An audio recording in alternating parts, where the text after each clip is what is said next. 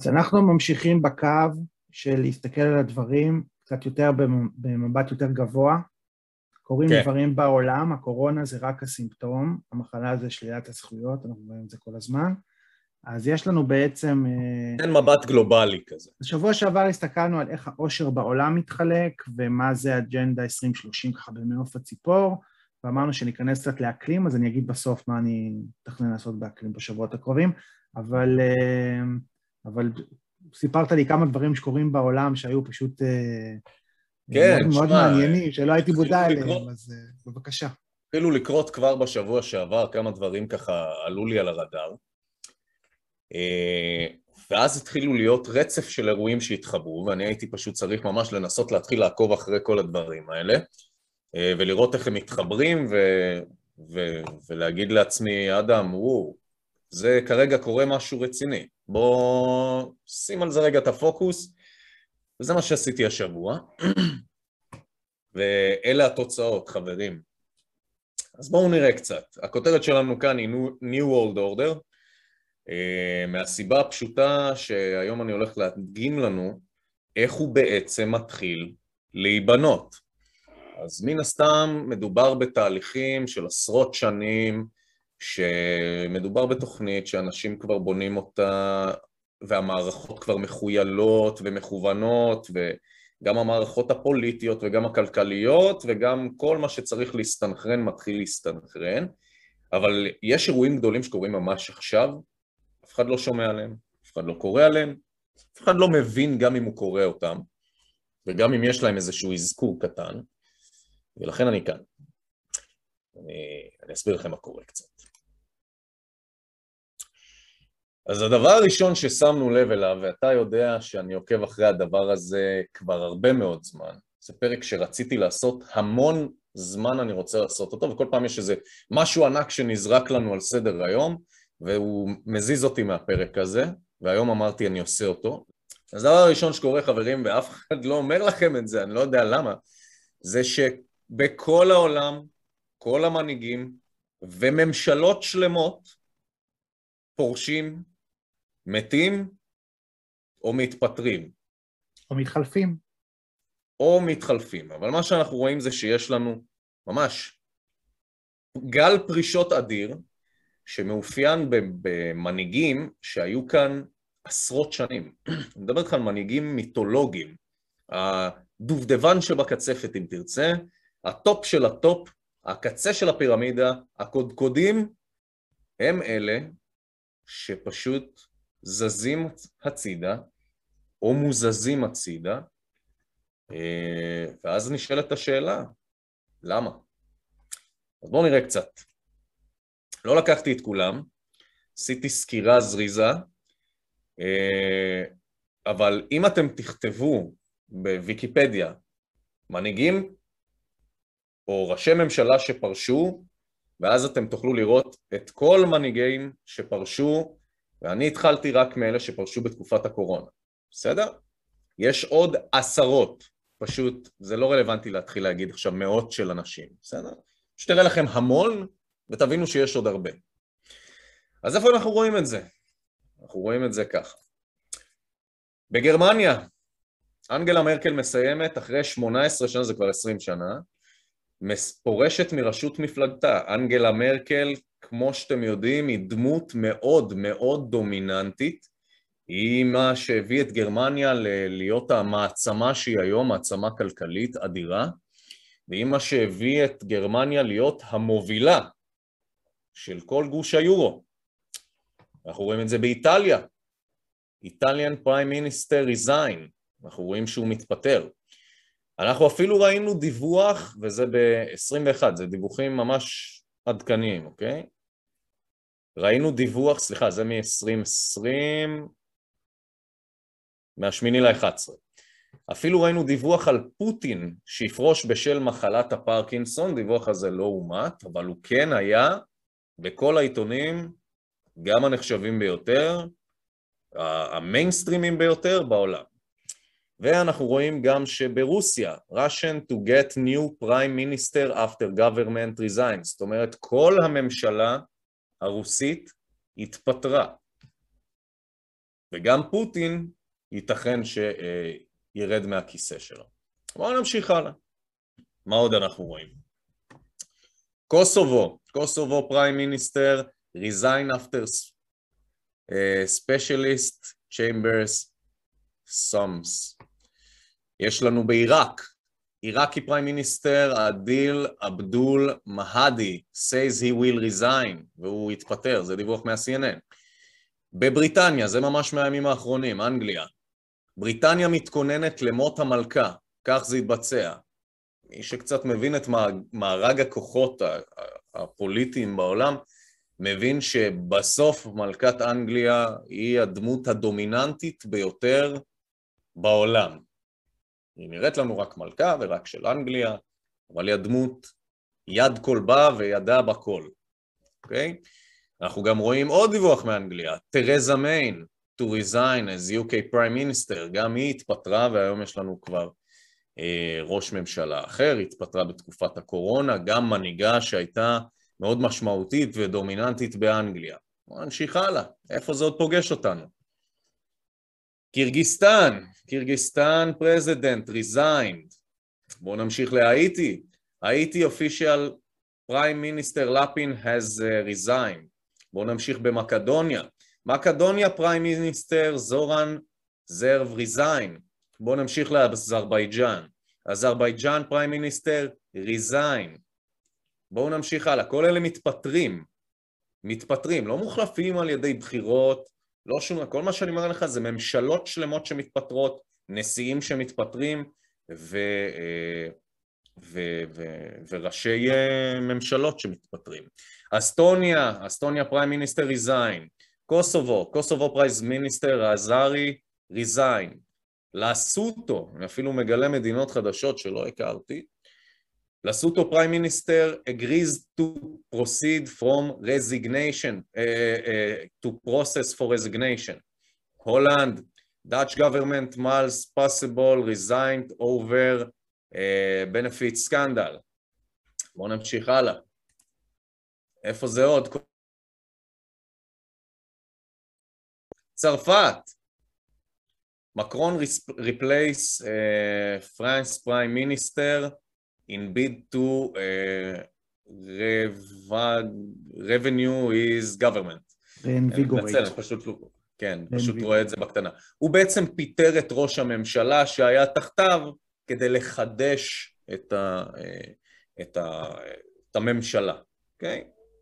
אנחנו רואים את זה גם בעיראק, עיראקי פריים מיניסטר ריזיין, אנחנו רואים את זה במז... במלזיה, אנחנו רואים את זה גם בהודו.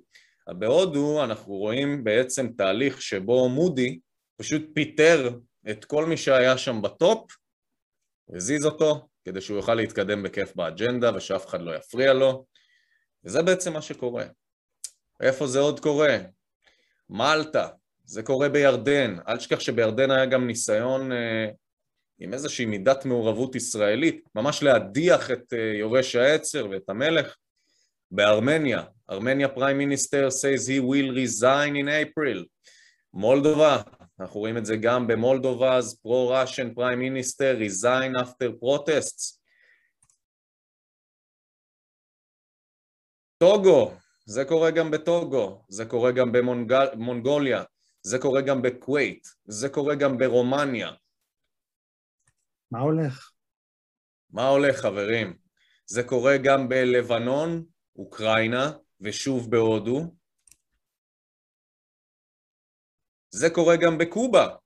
בקובה מדובר בסוף עידן. אני מזכיר לך, סוף עידן בקובה, ראול קסטרו התפטר מראשות המפלגה הקומוניסטית בגיל 89 לאחר 60 שנים בשלטון. 60 שנים בשלטון, אף אחד לא יכל להזיז את הבן אדם הזה כולל לא האמריקאים שהחרימו את קובה, אף לחץ לא הצליח להזיז אותו, ואז הגיעה הקורונה, והוא החליט פשוט לזוז. זה קורה בהאיטי. יש פה כמה פעמיים בטעות, נכון? לא, שיש פעמיים זה אומר שזה קרה גם לנשיא וגם לראש ממשלה. אה, בכוונה. או, או שהתפטר ראש ממשלה ואז התפטרה כל הכנסת, כל מיני כאלה, בסדר? אבל זה קורה שוב בהאיטי, גיאורגיה וגם באסטוניה. חברים, זה פשוט קורה בכל המדינות בעולם. זה קרה אגב גם אצלנו. כן. אוקיי? פה זה מקרים למשל שכל הממשלה מתפטרת, אוקיי? אז זה קרה בלבנון, ברוסיה, זה קרה בפינלנד, זה קרה בצ'כיה, זה קרה בהרבה מאוד מדינות. גם בארץ אגב זה קרה. כל הכנסת התפטרה, הממשלה נפלה, יצאנו לבחירות נוספות, ואז ביבי, אחרי עשרים שנות שלטון, גם הוא זז הצידה. כל המנהיגים הכי גדולים, שיש להם את התמיכה הציבורית הכי חזקה, שעשרות שנים כיהנו כמנהיגים ברמה העולמית, שהשם שלהם מזוהה יותר מכל מנהיג אחר עם המדינה שלהם. אף אחד לא הצליח להזיז אותם עד שהגיעה הקורונה. וגם בארצות הברית היה בלאגן. גם בארצות הברית, אבל בואו נגיד את זה ככה. מישהו שמע על זה? מישהו קרא על זה? מישהו ראה את זה? מישהו דיווח על זה? מישהו בא ואמר לכם, חברים, כל הממשלות בעולם, כל המנהיגים הכי גדולים בעולם, כולם מתפטרים. וכל מה שהראיתי לך זה מתפטרים, לא מודחים, לא נפתחת נגדם חקירה, יכול להיות שהם יתפטרו בגלל חקירה, בסדר? אבל לא... זה גם לא כולם, יש גם עוד. ממש לא, יש עוד עשרות רבות, פשוט... זה רק מדגם מייצג. מדגם מייצג, אוקיי? מכל סוגי היבשות, כל סוגי המדינות, לא מדובר נגיד רק באירופה, או רק בארצות הברית, או רק באסיה, או רק... לא. זה לא על זה מדובר. מכל המקומות, כל היבשות, כל המדינות, זה קורה. אוקיי? אז חברים, זה קורה. זה קורה מתחילת אה, המגפה הזאת, זה קורה מתחילת משבר הקורונה, וחשוב שנבין. גם קצת לפני, אני רואה 2017, 2018. יש גם, כן. אנחנו בעצם רואים שהתשתית הוכנה.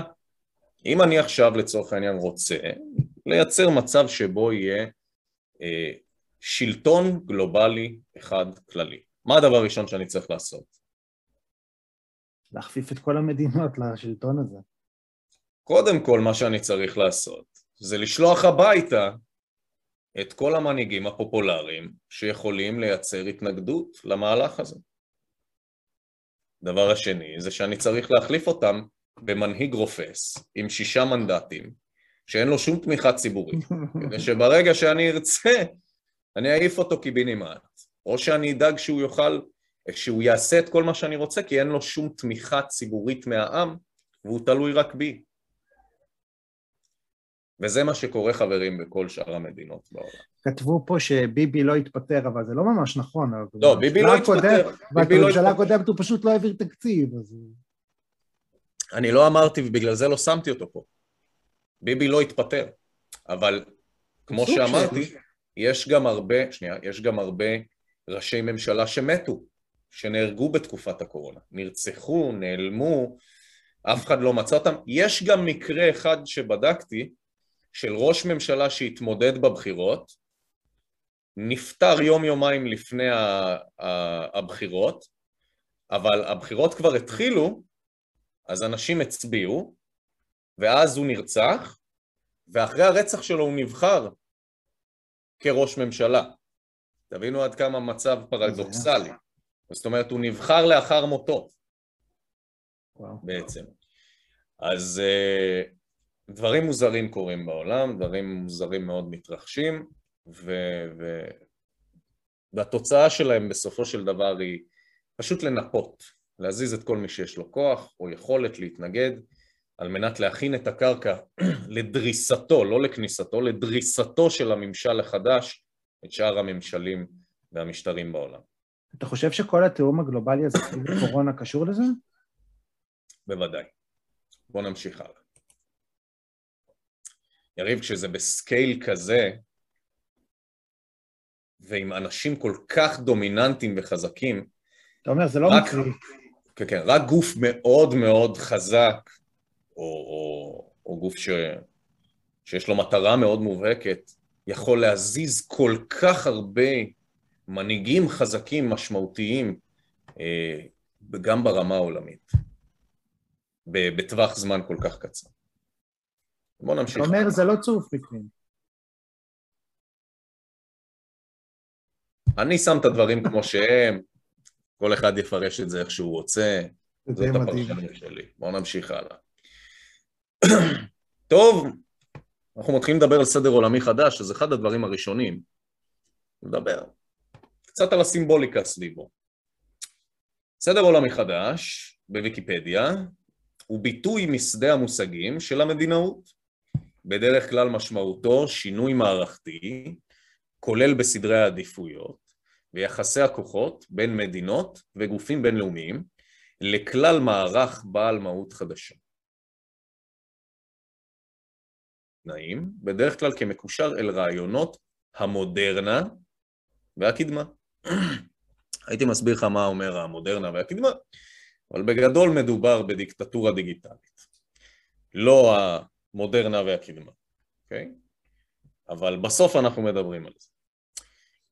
זה הסמל של הסדר העולמי החדש, ואז הסמל הזה קצת אה, הזכיר לי אה, איפה הציגו את הסמל הזה? מה, איפה זה נולד כל הדבר הזה? זה סמל, זה כנראה, זה סמל של משהו. יש לו סמל, זה הסמל של ה-New World Order, זה הסמל. אה, זה הסמל, אוקיי? של הסדר העולמי החדש. אבל אז נזכרתי שאני כבר מכיר את הסמל הזה. ואמרתי לעצמי, רגע, רגע, רגע, רגע, איפה הוא עוד מופיע? ואז נכנסתי לסמל ארצות הברית. סמל ארצות הברית, או לפי שמו הרשמי, החותם הגדול של ארצות הברית, הוא החותם הרשמי לאישור מסמכים המוצאים על ידי הממשלה של ארצות הברית. השם מתאר הן את החותם עצמו והן את סמל המדינה, אף שהחותם לא אומץ מעולם רשמית כסמל המדינה. החותם היה בשימוש לראשונה בשנת 1782. כלומר, הסמל של ארצות הברית הוא החותם שאיתו חותמים באופן רשמי, או בוא נגיד לא באופן רשמי, אבל בפרקטיקה, זה החותם שאיתו חותמים על, ה... על המסמכים הרשמיים של ארצות הברית. אז יש לו שתי צדדים, מסתבר. צד אחד של החותם הגדול של ארצות הברית הוא הצד הזה. הצד השני שלו הוא זה. Mm. כלומר, הצד השני של החותם של ארצות הברית, של הסמל של ארצות הברית, הוא הסמל הזה של הסדר העולמי החדש. בואו נמשיך הלאה. סדר עולמי חדש. קצת כזה מהעיתונות, כדי שנראה שזה מונח שצץ לנו מדי פעם, זה לא איזה משהו שמתעלמים ממנו. נגיף, נלחמים בנגיף, זה מוויינט, או בכותרת רואים את טראמפ, אז, וכתוב סדר עולמי חדש בתום משבר הקורונה, סימן שאלה. והכותרת היא, איך ייראה הסדר העולמי החדש ביום שאחרי הקורונה? כלומר, כבר מתחילת משבר הקורונה, זה מ-2020, 13 לרביעי, אוקיי? אנחנו יודעים שמשבר הקורונה הוא פרץ איפשהו במרץ, אצלנו. כבר מיד לאחר שהוא פרץ, ב-13 לרביעי, איפשהו שבוע, שבועיים, שלושה לאחר מכן, התחילו לבנות את הנרטיב שאמור בעצם להכין את התודעה הציבורית שלנו לזה שיש כרגע משבר, ואחריו העולם ייראה אחרת. ארגון הבריאות העולמי... זאת בטח כתבה מתורגמת, נכון? זה לא המציאו את זה בישראל, את הכתבה הזאת. היא בעברית לא הכתבה. מה שאני רואה זה שהכתבה הזאת כביכול, ככל הנראה התבססה על דבריו של טראמפ, שזה שודר בחדשות ynet. כן, אוקיי. Okay. אבל זה לא משנה כי היו כל כך הרבה כאלה, זה סתם מדגם, אוקיי?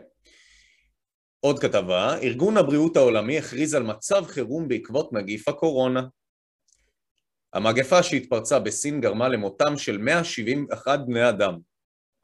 עד עתה ולאשפוזם של יותר מ-8,200.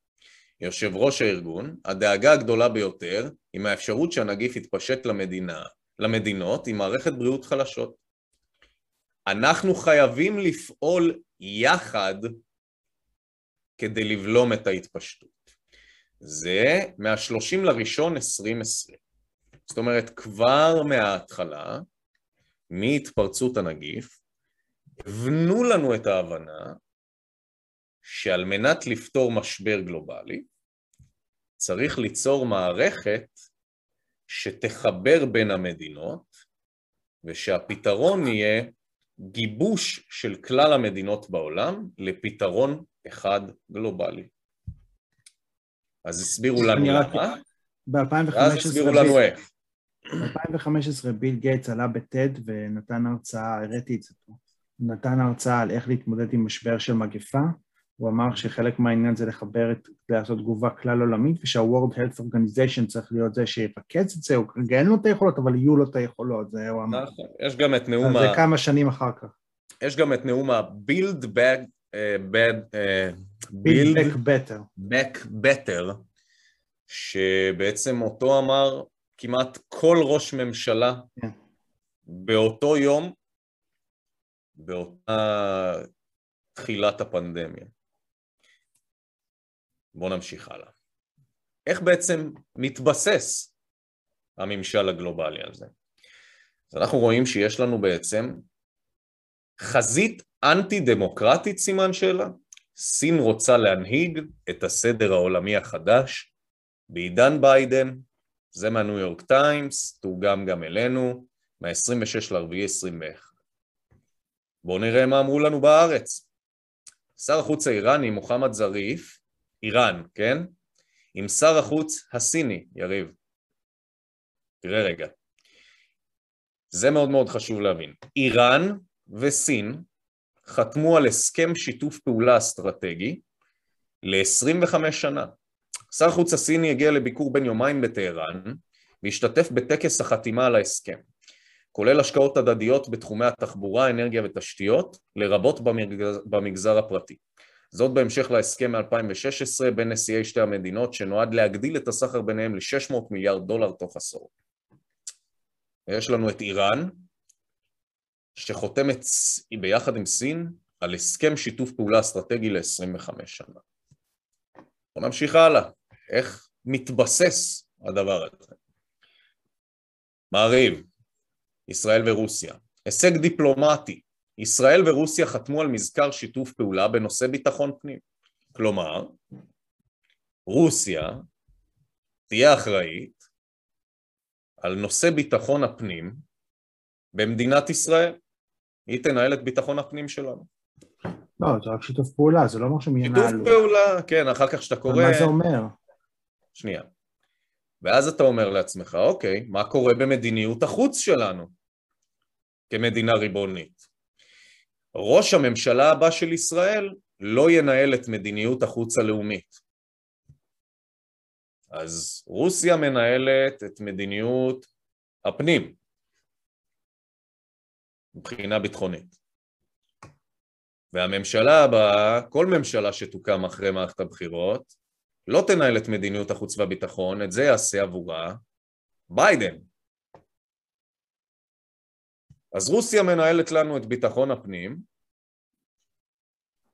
וביידן בעצמו, לא ראש הממשלה שייבחר, כן? מנהל למדינת ישראל את מדיניות החוץ, ואת איראן מנהל את סין. וסין רוצה לנהל את הסדר העולמי החדש בעידן ביידן. אז סין מנהלת את ביידן שהוא יקבע, והוא זה שמנהל אותנו. ברוסיה, שאנחנו רואים את פוטין, לוחץ פה יד לנשיא סין, שהיא תנהל לנו את מדיניות הפנים. אז בסוף סין מנהלת אותנו. וגם את איראן. אוקיי. בואו נמשיך הלאה.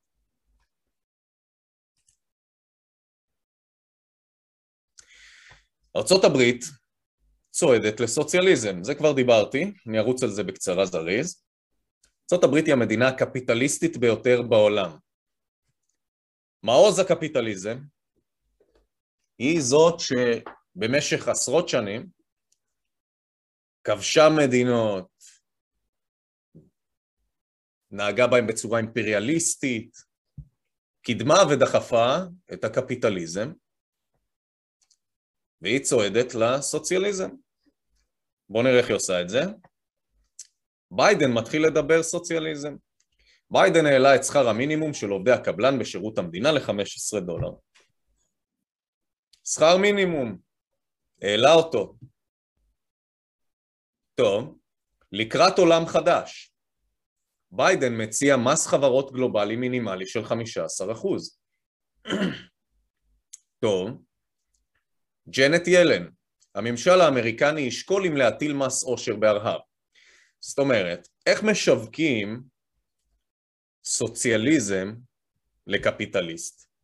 אתה לא יכול לבוא ולומר לו, תשמע, מדובר בשיטה שבה בסוף ארגוני עובדים הופכים להיות מאוד לא פרודוקטיביים, כמו נגיד, לא יודע, הדואר, או כל שירות ציבורי אחר שאתה מקבל מהמדינה, פריון מאוד מאוד נמוך, והם יכולים לסחוט את אלה שעובדים קשה,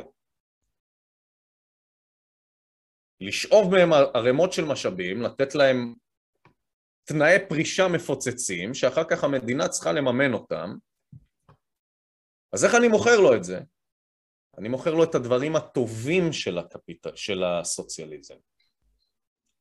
אני משווק להם את זה, אני מעלה לכם את השכר מינימום, אנחנו נעשה מס על העשירים, אנחנו גם נעשה מס גלובלי. ביידן מתכנן להכפיל את המס על רווחי הון בערב, עשירים ישלמו 43% מס. בעצם הוא לוקח את כל הדברים שנשמעים טוב לציבור, כל מה שנשמע יפה כזה, ומוכר את זה.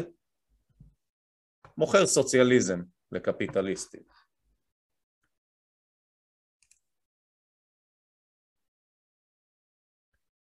אבל אנחנו יודעים שסוציאליזם הוא רק שלב מעבר בדרך לקומוניזם. בהגדרה, by definition. כשאתה נכנס להגדרה של סוציאליזם, ואתה קורא אותה, כתוב שם שסוציאליזם הוא שלב מעבר בדרך לקומוניזם. הוא מעולם לא נועד להיות שיטה בפני עצמה. למרות שיש מדינות שבהן זה נשאר עדיין סוציאליסטי, ומה שאני חייב לומר זה שבכל המדינות שבהן סוציאליזם לא התקדם לקומוניזם, זה פשוט כי סוציאליזם התחיל לפתח סממנים של קפיטליזם במקום. אבל אין אף מדינה שהיא רק סוציאליסטית שלא עברה לקומוניזם. זה לכל מי שהולך לטעון את הטענה הזאת, תבדקו את זה ותראו, כי אני בדקתי. בואו נמשיך הלאה. קומוניזם אין, דמוקרטיה אאוט. נשיא סין נגד ארה"ב. אף מדינה לא צריכה להתנהג כאילו היא הבוס של העולם. זה, הוא אמר כשטראמפ היה בשלטון. יריב, תראה מה הוא אומר כשביידן בשלטון. חזית אנטי דמוקרטית, סין רוצה להנהיג את הסדר העולמי החדש בעידן ביידן. נחזור אחורה, כשלארצות הברית יש מנהיג חזק עם עמוד שדרה, אז נשיא סין מפחד. ואז הוא אומר, אף מדינה לא צריכה להיות הבוס של העולם. כשלארצות הברית מי שמנהיגה את הדמוקרטיה בעולם, יש מנהיג חלש, רופס וסנילי, אז מה שהוא אומר זה, אני רוצה להיות המדינה היחידה שתנהיג את הסדר העולמי ואת העולם. זה ההבדל חברים. בואו נמשיך הלאה. סוציאליזם, רק כדי שנסגור את הפינה למי שזה ככה לא היה סגור לו, סוציאליזם הוא שם אב לקבוצה, לקבוצת אידיאולוגיה כלכלית, פוליטית ופילוסופית, שמאופיינת בבעלות ציבורית על אמצעי ייצור וניהול עצמי של העובדים. הבעלות המשותפת יכולה להיות במסגרת מדינית, דבר שיקרא סוציאליזם מדיני, או במסגרת עממית, מה שיקרא סוציאליזם חירותני. התנועה הסוציאליסטית החלה את דרכה בעולם המודרני מתוך תנועת מעמד הפועלים בסוף המאה ה-19. בתקופה זו המונח סוציאליזם היה מקושר בראש ובראשונה למבקרים חברתיים אירופאים אשר מתחו ביקורת על הקפיטליזם ועל מושג הרכוש לפי קרל מרקס שהגדיר ועיצב את התנועה הסוציאליסטית בעידן המודרני, סוציאליזם הוא השלב הסוציו-אקונומי לאחר המהפכה של הפרולטריון ולאחר העברת אמצעי הייצור לבעלות המשותפת. לפי מרקס, החברה תתקדם משלב זה לשלב קומוניזם. אוקיי? זאת אומרת, אבי הסוציאליזם, קרל מרקס, הגדיר אותה כשלב מעבר, שלאחריו, לפי מרקס, החברה תתקדם משלב זה לשלב הקומוניזם. אז לכל מי שלא מבין שאם המדינה הדמוקרטית הכי גדולה בעולם, הברית, עם הכלכלה הקפיטליסטית, חוד החנית של הקפיטליזם ושל הדמוקרטיה, מתחיל לדבר סוציאליזם, זה אומר שהוא מתחיל לדבר דיקטטורה. בואו נמשיך.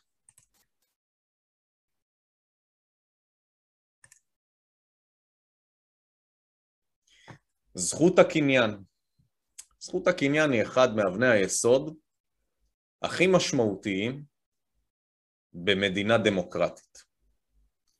ובקפיטליזם זו הזכות אחת הכי חשובות שיש. אגב, כ- כיהודי, הזכות הזאת גם נמצאת בדת שלנו. אתה יכול לראות הרבה פעמים בתורה ובתנ"ך אה, מסחר, העברת בעלות, שקנו את אה, מערת המכפלה, ושאתה יודע, אתה יכול ממש לראות דינים שלמים של איך מסחר אמור להתנהל, מה קורה אם גנבת, אסור לגנוב, זה אומר שאתה, אם אתה גונב, זה אומר שלקחת למישהו משהו שהוא בבעלותו, אוקיי? זה עד כדי כך מוטמע אצלנו בעשרת הדיברות. נכון. לאדם, מה? נכון. כן, לאדם יש זכות על רכוש. גם אצל... אה, זה הדבר היהודי. אפילו אצל חמורבי היה. נכון, ודאי. לגנוב. אתה יכול לראות גם אה, את, את, ממש את אבותינו, איך הם קנו את החלקות שבהם הם ייקברו, ממש, זה מאוד מפורט אצלנו, בסדר? בואו נמשיך הלאה. זכות הקניין. זכות הקניין היא זכותו של אדם להשתמש בנכס או למנוע מאנשים אחרים לעשות שימוש בנכס פיזי, רוחני, שזה נגיד קניין רוחני, או לפגוע בו. הזכות בהגדרה הכלכלית היא זו שמחז... שהמחזיק בה יכול ליישם את השימושים המקובלים בחברה במקורות הנמצאים במחסור. בכלכלה מוסדית הזכויות מוגדרות כמוסדות המסדירים את המערכת היחסים בחברה במה שנוגע לשימוש בנכסים וזכויות אחרות והבעלות בהם.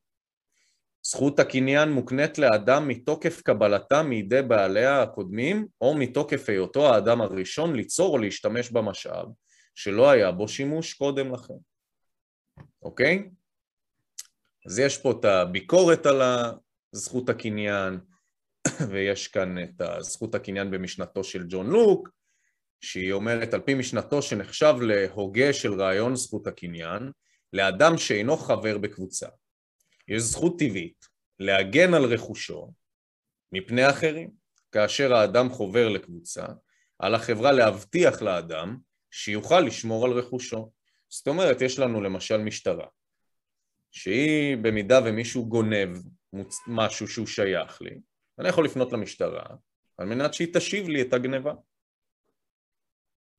או שהיא תגן עליי מפני אותו אדם שרוצה לגנוב ממני משהו, לקחת משהו ששייך לי.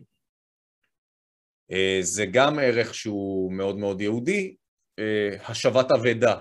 השבת אבדה היא בעצם מכירה בכך שאדם איבד את רכושו, ואני צריך להתאמץ, אם מצאתי את האבדה, לחפש כמה שאפשר את אותו אדם על מנת להשיב לו את האבדה הזאת. בסדר? מאוד מאוד חשוב להבין כמה הערך הזה הוא חשוב, הוא ברור, והוא שלנו מעצם זה שאנחנו נולדנו, ממש מהרגע שבו נולדנו. רגע, עכשיו כתוב פה mm-hmm. שעל פי לוק אין החברה יכולה לקחת מאדם את רכושו, החברה לא יכולה לקחת מאדם את רכושו, מבלי נכון. שיאבד הטעם לקיומה של החברה בעיני משתתפי החברה. זאת אומרת, אין חברה... אוקיי, זאת הגישה שלו. בסדר, אני רק אומר. הוא המציא את זה. נכון, אבל הוא המציא את זה, בדיוק, הוא המציא את זה. כן. הוא ממש אומר שאם לאדם אין את היכולת אה, שיהיה לו רכוש, אז, אז אין, אין, אין שום ערך בזה, כי לצורך העניין נניח, אם יש לך אדמה שהיא בבעלותך, אתה תשמור עליה, אתה תדאג שהיא תניב, שהיא תהיה פורה, שהיא ת, תייצר תבואה, אוקיי? ואז יתקיים מסחר וכל הדברים האלה. אבל אם אין את הבסיס הזה, ושום דבר הוא לא שלך, אז לא כזה אכפת לך מכל הדברים שיש, כי הם לא שלך. מן הסתם הרבה יותר אכפת לך ממשהו שהוא שלך. אתה רוצה להשביח אותו, אתה רוצה שהוא יהיה טוב יותר, אתה... תשמור עליו יותר. אוקיי? בואו נמשיך הלאה. ארצות הברית מתקפלת מאפגניסטן. זה אירוע שקרה ממש לאחרונה, בעל השלכות אדירות על מה שקורה בעולם, וזה מבחינתי האירוע שאם אני צריך לשים את האצבע על הרגע שבו לחצו על הכפתור ואמרו עכשיו מתחיל ה-Great Reset, זה הרגע. אנשים לא כל כך מבינים מה קרה פה באירוע הזה. אנחנו קיבלנו סיקור חדשותי שאומר לנו שארצות הברית יצאה מאפגניסטן. למה? כי שם כבר עשרים שנה וחלאס נמאס להם שחיילים מתים להם שם. אז זהו, זה, זה הבטחת בחירות גם, אז מוציאים את ארצות הברית מאפגניסטן, וזהו, זה הדיווח שקיבלנו. לא הבנו בכלל מה קרה שם. אבל פה הייתה רעידת אדמה בסדר גודל גלובלי, בסדר גודל, זה משבר גיאופוליטי כלכלי עצום. נפרק את זה ונסביר מה קרה. ביידן הכריז על נסיגה מאפגניסטן עד 11 בספטמבר. הגיע הזמן לשוב הביתה, הנשיא הודיע כי 2,500 חיילים האמריקנים שנותרו במדינה יחלו את נסיגתם ב-1 במאי, לא ניסוג באופן חפוז, כך הוא אמר, נעשה זאת באחריות ובתיאום מלא עם בני בריתנו ושותפינו, ודאי, ברור. ביידן הוסיף כי שוחח עם נשיא ארה"ב לשעבר, ג'ורג' בוש, על החלטתו. כי כמובן הוא היה צריך לקבל פקודות ממי שאחראי על כל הסדר העולמי החדש, ואנחנו יודעים שג'ורג' בוש, האב, הוא המייסד של כל הדבר הזה, ומן הסתם הבן, הוא הממשיך דרכו. הוא היה צריך לקבל אישור. גם נשיא ערב, הוא בסך הכל מנכ"ל בחברה שיש לה בעלים. בואו נמשיך. תיעוד מהדרמה בכבול. מאות מצטופפים במטוס של צבא ארצות הברית. צוות של אחד ממטוסי התובלה של ארצות הברית החליט שלא להוריד את האזרחים הרבים שהצליחו לעלות עליו בחסות הבריחה מהטליבן. ארצות הברית פשוט התקפלה מול חבורה, מול כנופיה של פושעים טרוריסטים, היא פשוט התקפלה וברחה, והם התקבצו בבטן המטוס, אזרחים שפשוט ברחו ופחדו, מנגד מטוס צבאי גרמני פינה שבעה אנשים בלבד. בואו נזכיר רגע מה היה כאן. ביידן אמר במסיבת עיתונאים בבית הלבן, נעשה זאת באחריות, לא ניסוג באופן חפוז, והוא שוחח וסליחה, ובתיאום מלא עם בני בריתנו ושותפינו. בואו נראה איך זה קרה בפועל. מטוס צבאי גרמני פינה רק שבעה אנשים, שזה בני בריתנו, והתיאום שהוא דיבר עליו, שיהיה. בזמן שאנשים שפשוט פחדו מהטליבן, מאות אנשים עלו על המטוס האמריקאי, כשהיה מקום לעוד מאות אנשים במטוס גרמני. אחלה תיאום, כל הכבוד. כאן מדובר על חסות שהצליחו לעלות עליו בחסות הבריחה מהטליבן, אוקיי? ופה אמר לא ניסוג באופן חפוז. בקיצור, קשקוש אחד גדול. אבל זה נרטיב כלל עולמי מה שכתוב פה, שזה בוואלה החליטו לכתוב ככה? לא, לא, זה נרטיב כלל עולמי. כי זה באמת זה מה שהיה. הם ברחו. פשוט ברחו, השאירו את כל הנשק שלהם, ציים שלמים של רכבים, אה, טנקים, גם מטוסים, מה שאתה רוצה, בסיסים שלמים הם השאירו לטליבן, as is, טכנולוגיה הכי חדישה שיש, שווי של מאות מיליונים או מיליארדי דולרים או עשרות מיליארדי דולרים, אני לא יודע אפילו להעריך את הכמות נשק שנשארה שם ברמה המתקדמת ביותר, מה שנתן עליונות צבאית לאמריקאים על מנת שהוא יוכל לשלוט בטליבן, ועכשיו ייתן עליונות צבאית לטליבן על מנת שהוא יוכל לקרוא את האמריקאים. מה זה הזכיר לי, ולא רק לי, זה הזכיר לי בין סייגון 1975 לכאבול 2021, כשארצות הברית בוחרת לברוח. זה מתי שארצות הברית ברחה מווייטנאם. היא פשוט ברחה והשאירה את כל הציוד, פשוט השאירה שם את הכל, זה קרה גם בעיראק, זה קורה תמיד. ארצות הברית, פשוט הנושא הזה של הבריחה ב-1975 הוא מאוד מאוד דומה למה שקורה כרגע. ההיסטוריה פשוט חוזרת על עצמה. נו, זה בחור מאפגניסטן, מה זה קשור לגרייט ריסט? תכף אנחנו נראה. אני אקרא רגע את התגובות, כי הרבה פעמים יש לכם דברים מעניינים. אם תגנוב זכות, זה שאתה גונב ממנו להגן על עצמו ולפעול כנגד החירויות שלך כשאתה מסכן את שלו. גם חופש זה משהו שכל אחד יסביר בצורה שונה. אה, חופש הפולחן למשל, נכון? הרבה מאוד זכויות הותגרו. זה גם חופש הפולחן הוא זכות משמעותית במדינה דמוקרטית, הוא אבן יסוד. חופש התנועה הוא אבן יסוד. Okay, אוקיי? יש הרבה מאוד זכויות. דמוקרטיה זה לא רק בחירה של הרוב. אוקיי? הרבה פעמים אנשים טועים לחשוב שדמוקרטיה זה זכות הרוב. זה זה שהרוב מחליט מה יקרה. זה אחד הדברים בדמוקרטיה.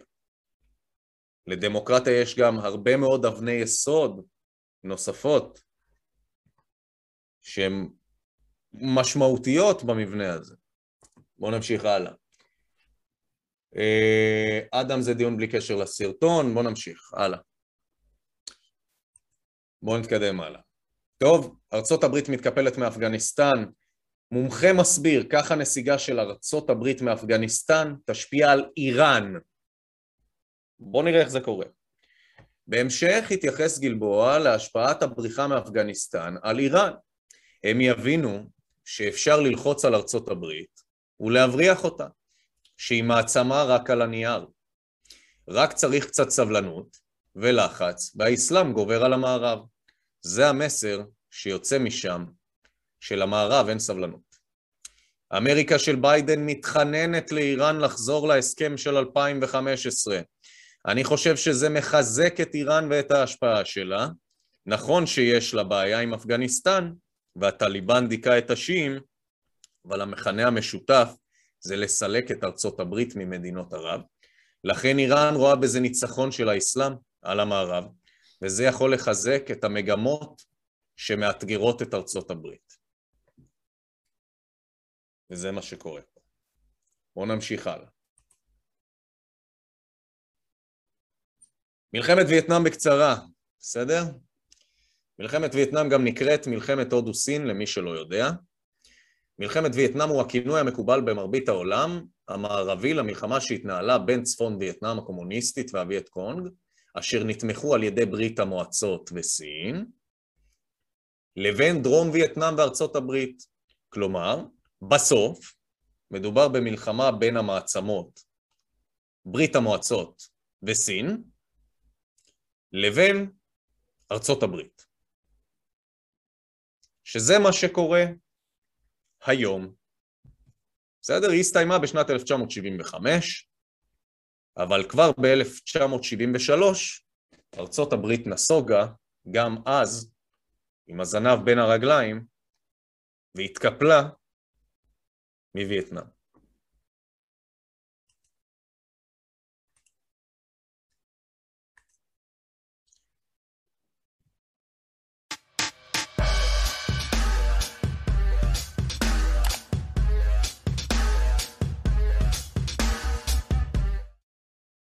ואז קרה גם אירוע כלכלי, ופה אני רוצה לחבר את האירועים הפוליטיים לאירוע כלכלי, כדי שנבין בדיוק מה קרה כאן השבוע.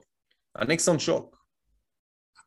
I have directed Secretary Connolly to suspend temporarily the convertibility of the dollar into gold or other reserve assets, except in amounts and conditions determined to be in the interest of monetary stability and in the best interest of the United States. אנחנו רואים כאן, נשיא ארצות הברית, ניקסון, באותה תקופה, עושה את מה שנקרא ניקסון שוק. אנחנו רגע נקרא, ובעצם מבטל את תקן הזהב, את הגולד סטנדרט. הוא בעצם ביטל את השייכות של הדולר לזהב. באקט הזה שהוא עשה, הוא בעצם הפריד ודאג למצב שבו אם עד לאותו רגע כל דולר שהודפס היה מגובה בזהב, כדי שייתן לו את הערך שלו, והוא לא סתם נייר, הוא בעצם ביטל את השיוך הזה, והפך את הדולר להיות רק נייר. אז בואו נקרא רגע מה זה תקן הזהב. תקן הזהב היא מדיניות מוניטרית, שבה יחידת ההילך החוקית התקנית היא כמות מסוימת קבועה מראש ובלתי ניתנת לשינוי של זהב, ולפיה כל הנפקה של כסף צמודה בצורה זו או אחרת להיצע הזהב. זאת אומרת, כל מטבע שמיוצר צריך להיות מגובה בכמות מסוימת של זהב שנמצא באיזה, לא יודע. כספת. כספת ענקית שיש למדינה. בארצות הברית זה פורד נוקס, כל מדינה יש לה את המקום שלה, הסכם ברנטון וודס, הסכם ברנטון וודס הוא הסכם סחר אשר קבע את שער החליפין של מטבעות בין מדינות המפותחות. הסכם נחתם במהלך ועידת פסגה כלכלית בינלאומית שנערכה ביולי 1944 בעיירה ברנטון וודס שבניו המפשר בארצות הברית ומכאן שמו. ועידת ברטון וודס נועדה להנציח את היסודות, להניח את היסודות לשיטה הפיננסית העולמית הגלובלית לאחר מלחמת העולם השנייה.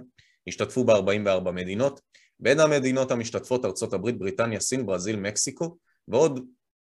מנגנון שער החליפין שעליו הוסכם בוועידה נקרא מערכת ברטון וודס, שזה בעצם בסוף בסוף בסוף בסוף, זה זה, זה התקן הזהב הזה. בשנת 1944 נחתם בארצות הברית ההסכם שהצמיד בין המטבעות העולמיים לדולר האמריקאי ובין הדולר לבין הזהב. מה בעצם ההסכם הזה אומר? שאחרי מלחמת העולם השנייה, הזהב הוצמד לדולר, וכל שאר המטבעות בעולם הוצמדו לדולר. אוקיי? מכאן בעצם הדולר קיבל את כוחו כמטבע הדומיננטי המשמעותי ביותר בעולם, והוא היה אמור להיות מגובה בזהב. סבבה? בואו נמשיך. מה קרה השבוע בעצם? ברגע... לא, אבל ניקסון ביטל את זה. כן, כן. ברגע שניקסון ביטל את השיוך, שזה קרה איפשהו בסוף של מלחמת וייטנאם, בגלל זה אני חזרתי למלחמת וייטנאם, המצב שהיה הוא שארצות הברית לחמה שתי מלחמות עולם גדולות, מלחמת העולם הראשונה והשנייה, ואחריה היא נכנסה למלחמה קשה וסיזיפית, מלחמת וייטנאם, והיא הגיעה למצב שהיא הייתה כבר חסרת משאבים כלכליים, אחרי שלוש מלחמות עולם ארצות הברית הייתה מרוסקת כלכלית, זה מלחמות שעלו לה הרבה מאוד כסף, ריסקו את הכלכלה האמריקאית, וארצות הברית הייתה חייבת הרבה מאוד כסף להרבה מאוד מדינות שהיא לוותה מהם כסף כדי שהיא תוכל לממן את המלחמות האלה. המדינות שהלוו הברית כסף אמרו את הדבר הבא, בואו ניתן למשוגעים האלה שיריבו, הם יסכנו את החיילים שלהם, שהחיילים שלהם ימותו, אנחנו נשב בצד, נחכה. וברגע הנכון, שנראה את ארצות הברית הכי חלשה, נעשה לה אמבוש, נבוא כולנו ביחד ונגיד לה אנחנו רוצים את הכסף עכשיו. ואז ארצות הברית לא יהיה לה מאיפה להביא את הכסף, ואז מה שיקרה זה שהיא תצטרך, תיאלץ להביא לנו את זה בנכסים. כלומר, היא תצטרך לתת לנו את כל מה שהיא נלחמה עליו במשך שלוש מלחמות ענקיות, כל מה שהיא זכתה, כל החלקים שהיא כבשה, כל הנכסים שהיא קיבלה, היא פשוט תצטרך לתת לנו אותם בלי שאנחנו נילחם. וזה מה שהם עשו. אבל אז ניקסון אמר, הוא עשה את הפאק יו הכי גדול בהיסטוריה. הוא פשוט אמר, סבבה, אתם רוצים את הכסף שלכם? אין בעיה. אני מבטל את השיוך שלו לזהב. ועכשיו אני אדפיס כמה כסף שבא לי, והנה קיבלתם את החוב שלכם, לא חייב לכם כלום. וזה מה שקרה, בגדול, ב- בשתי משפטים. היום אנחנו נמצאים באותו מצב. רוסיה וסין, שהם מי שהיו במלחמה הקודמת, במלחמת וייטנאם, שאז הם היו בפועל מול ארצות הברית, גם היום ניצבים בפועל מול ארצות הברית. והביאו אותה לאותה פינה, הם הצליחו לדחוק אותה לאותה פינה. וזה קרה עכשיו, זה קרה השבוע. ואף אחד לא מבין, אבל זה קרה השבוע. אז איך זה קרה? אחרי שהנסיגה הושלמה, הנשיא ביידן הדף את הביקורת ואמר שזו הצלחה אדירה ויוצאת דופן, הדרך שבו הם יצאו מאפגניסטן. אז בואו נראה מה קרה בגלל אותה הצלחה אדירה ויוצאת דופן. ערב הסעודית מכתירה את המלך החדש.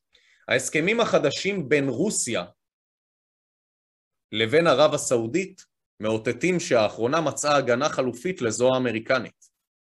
ההסכמים עשויים להגביל את יכולת ההרחבה הכמותית של ארצות הברית ולהפסיק את ייצוא האינפלציה שלה. פה התחיל הביג ריסט.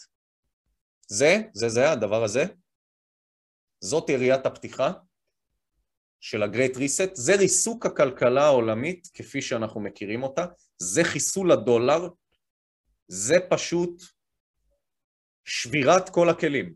זה קרה השבוע, זה קרה לפני, זה קרה ב-30 לשמיני, זה קרה לפני שישה ימים, שבעה ימים, ואף אחד לא סיפר לכם, אבל הכלכלה קרסה. אף אחד לא אמר לכם את זה, אבל הכלכלה בעולם היום היא לא מה שהיא הייתה לפני שישה ימים.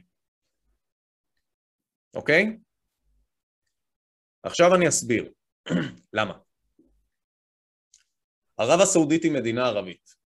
ערב הסעודית היא הביגסט אליי של ארצות הברית ever. כי ברגע שארצות הברית ניתקה את השיוך שלה לזהב, של הדולר, היא הייתה חייבת להצמיד אותו למשהו אחר, אחרת הוא סתם נייר, שאין לו שום שווי, אין לו שום ערך.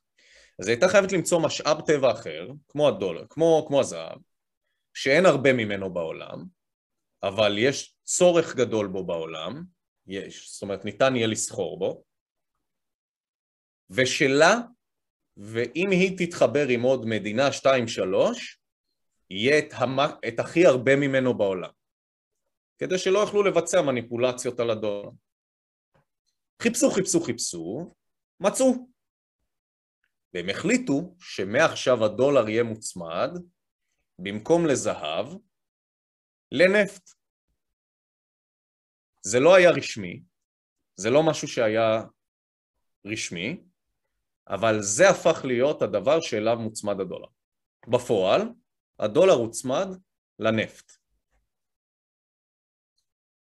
מי הייתה שותפה באותו ניקסון שוק, באותו דיל שהם החליטו לעשות כדי להצמיד אותו לנפט? מי הייתה השותפה הגדולה ביותר של ארצות הברית למהלך הזה? ערב הסעודית. בחיבור של ארצות הברית יחד עם ערב הסעודית, קנדה ועוד כמה מדינות, הם הגיעו למצב שיש להם את הרוב של הנפט בעולם.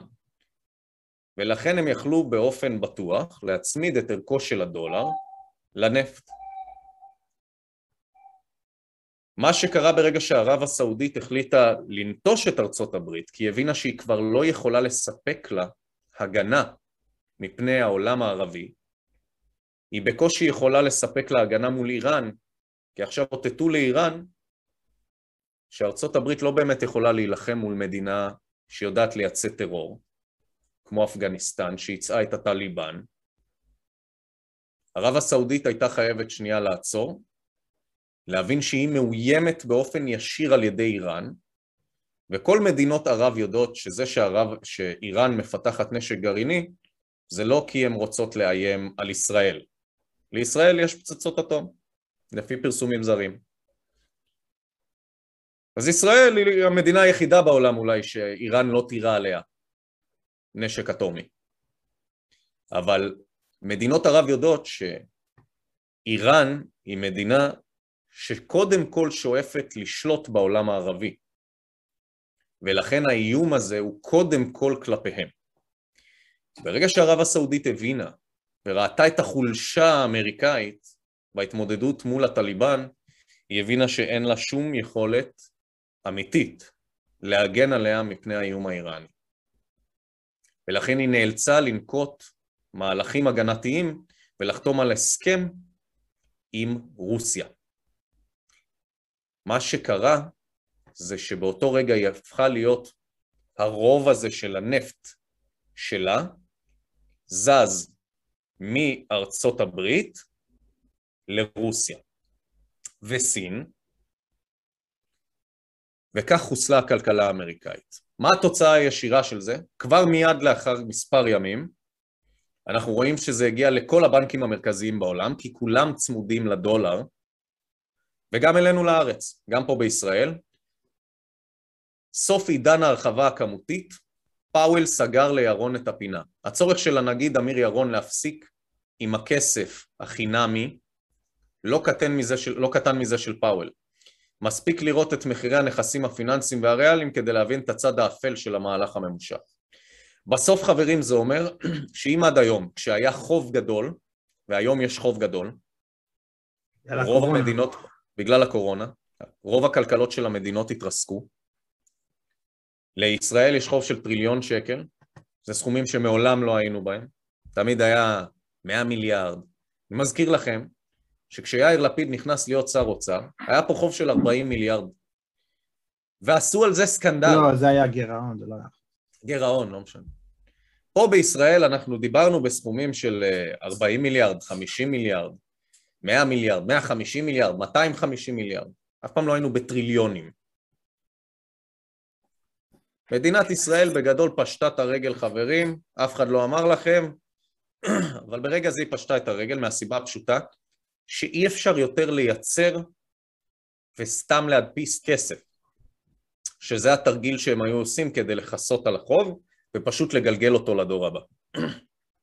זה נקרא הרחבה כמותית, וכמו שאתם יודעים, ההסכמים עשויים להגביל את יכולת ההרחבה הכמותית של ארצות הברית ולהפסיק את ייצוא האינפלציה שלה. בואו נראה מה האינפלציה. הפדרל ריזרב עלול לאבד שליטה על האינפלציה כמו בשנות ה-60. מה זה עלול?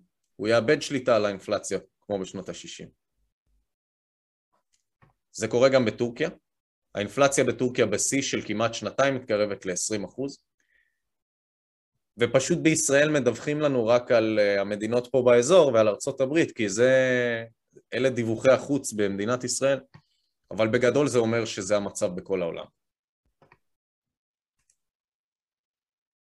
ערב הסעודית הכתירה את המלך החדש. בואו נסתכל רגע, זאת הטבלה שמראה לנו מי הם יצרניות הנפט הכי גדולות בעולם. לפי דירוג, שם המדינה, תפוקה באלפי חביות ליום ואחוז. אז מה היה המצב עד שערב הסעודית החליטה את ההחלטה הזאת? המצב היה כזה, ארצות הברית הייתה ראשונה בעולם, אחריה הייתה ערב הסעודית, ויחד הם תפסו את שתי המקומות הראשונים. אנחנו יודעים שארצות הברית כבשה את עיראק בגלל נפט, אז גם הנפט העיראקי היה של ארצות הברית וערב הסעודית, ושעשינו הסכם עם איחוד האמירויות. קנדה. ויש לנו את קנדה, שכל אלה, המדינות האלה בטופ, כווית, בסדר? כל אלה מדינות שהן יחד עם ארצות הברית. ביחד, היה להם את הרוב, ולכן היה להם את הבטוחה הזאת, שכשהדולר מוצמד לנפט, והם, יש להם את רוב הנפט, הם אחראים על רוב ייצור הנפט בעולם, הם יכולים להשפיע על המחיר שלו, על המחיר שבו הדולר נסחר. פעם, פעם, פעם שעיראק היה שם את סדאם חוסיין, כשהוא היה רוצה לעצבן את האמריקאים, הוא היה שורף שדות נפט, פשוט הולך ושורף אותם. ואז הוא היה משפיע ויוצר תנודות בדולר.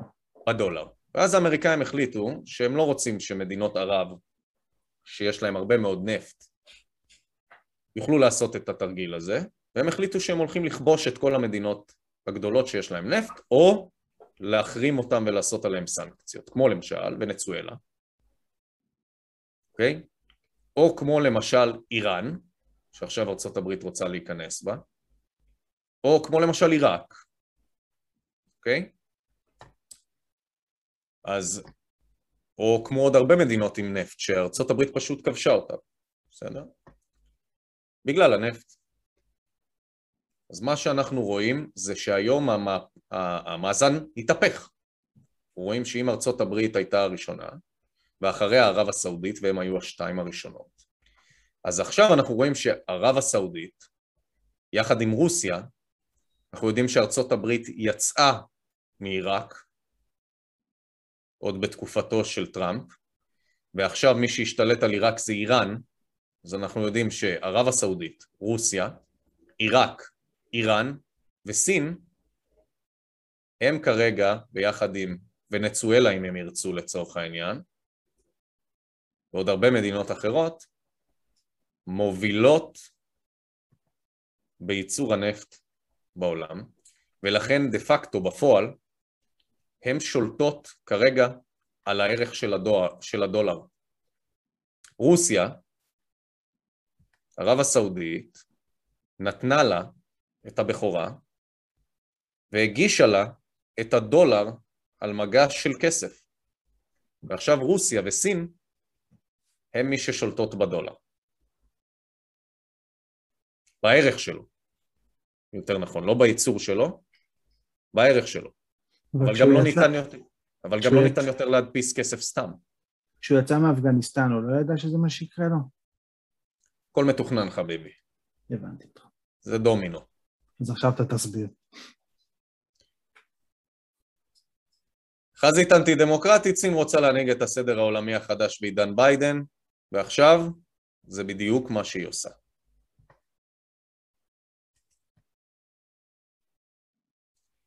מה עוד קרה?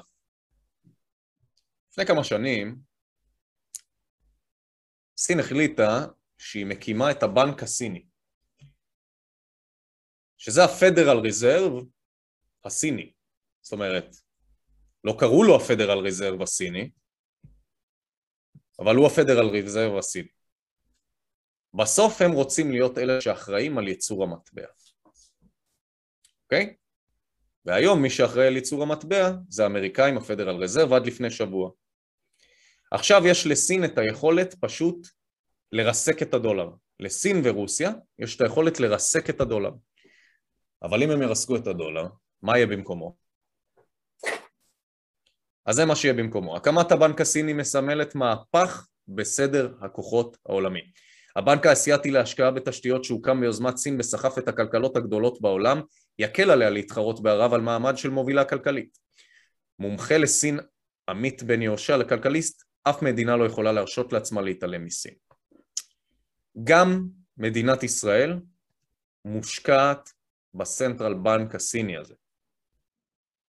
אם אני לא טועה, יש לה איזה אחוז אחד או שתיים שם, בסדר? אבל כל המדינות בעולם מושקעות בבנק הזה.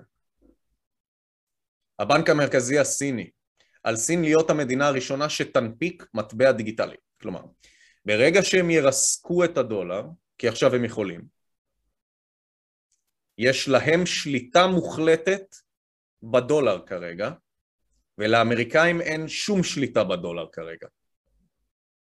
זה אומר שהכלכלה העולמית כרגע בידיים של סין ורוסיה, בפועל היא של סין, וברגע שהם ירסקו את הדולר, יש להם כבר תחליף כי הם הראשונים שהדביקו מטבע דיגיטלי אוניברסלי. קצת פרטים על הבנק הזה, מתי הוקם, טקס ההקמה נערך באוקטובר 2014, הרשמה לבנק הסתיימה החודש. היכן ימוקם? מטה הבנק נקבע בבייג'ין, לאחר ששקלו למקמו בשנגחאי או שנזן. הון התחלתי של 50 מיליארד דולר עם כוונה להכפיל את הסכום בשנים הקרובות, זה כבר הרבה מעבר לסכום הזה.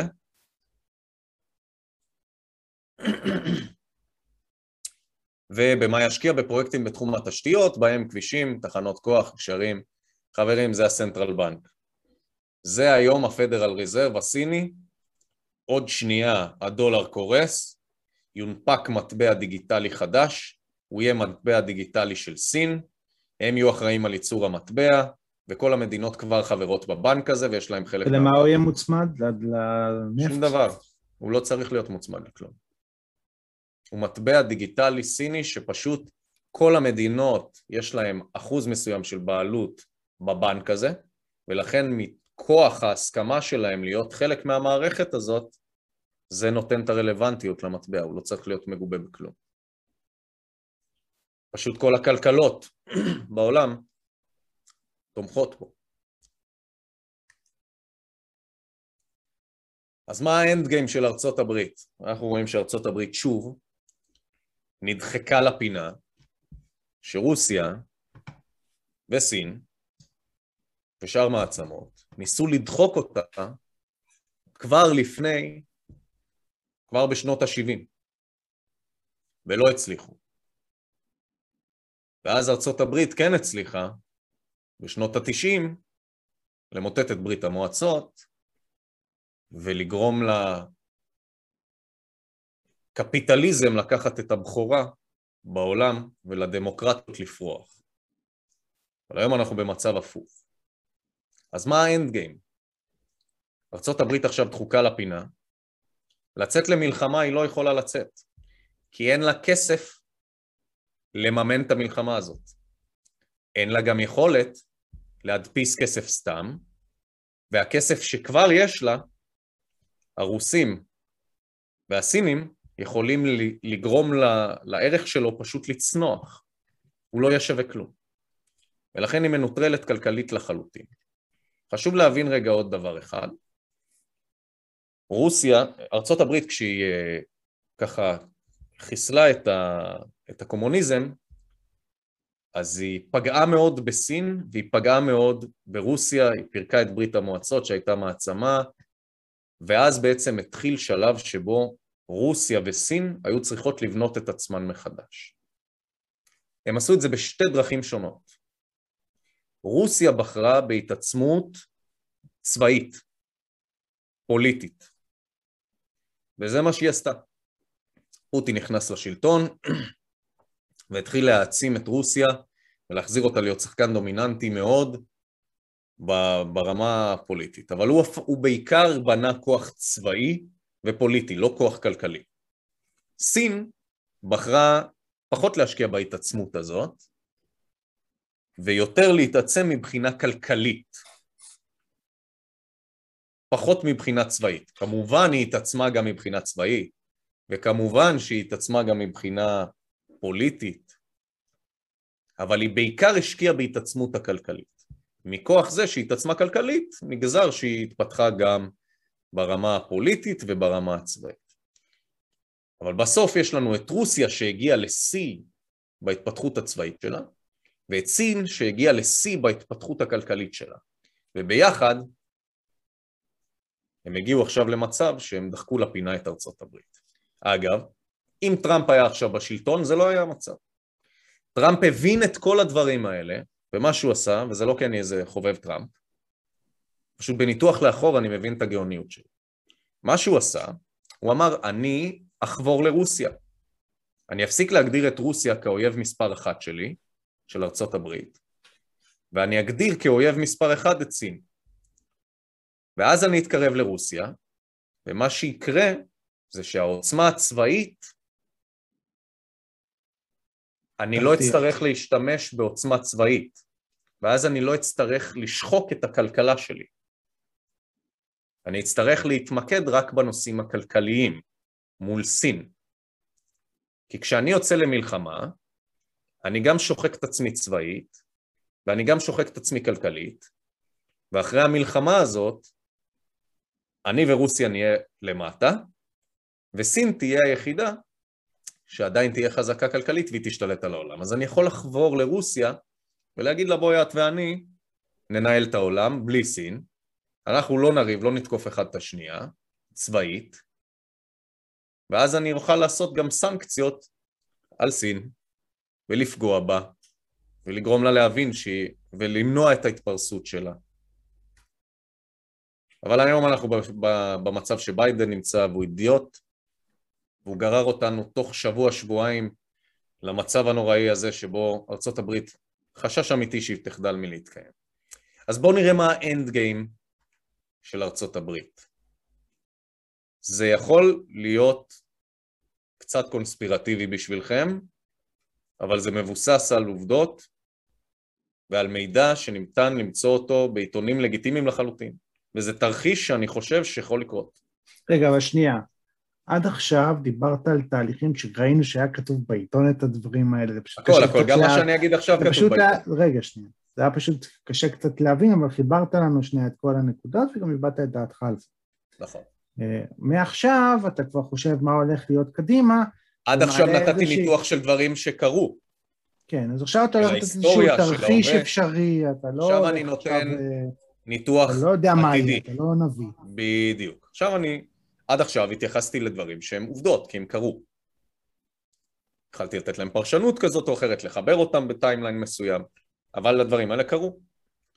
עכשיו אני נותן ניתוח להבנתי, תרחיש שיכול לקרות. Okay? אוקיי?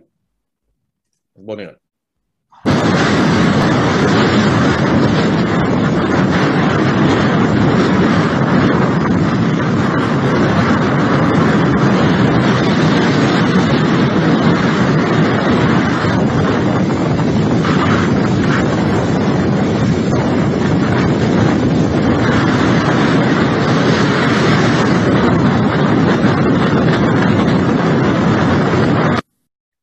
טוב?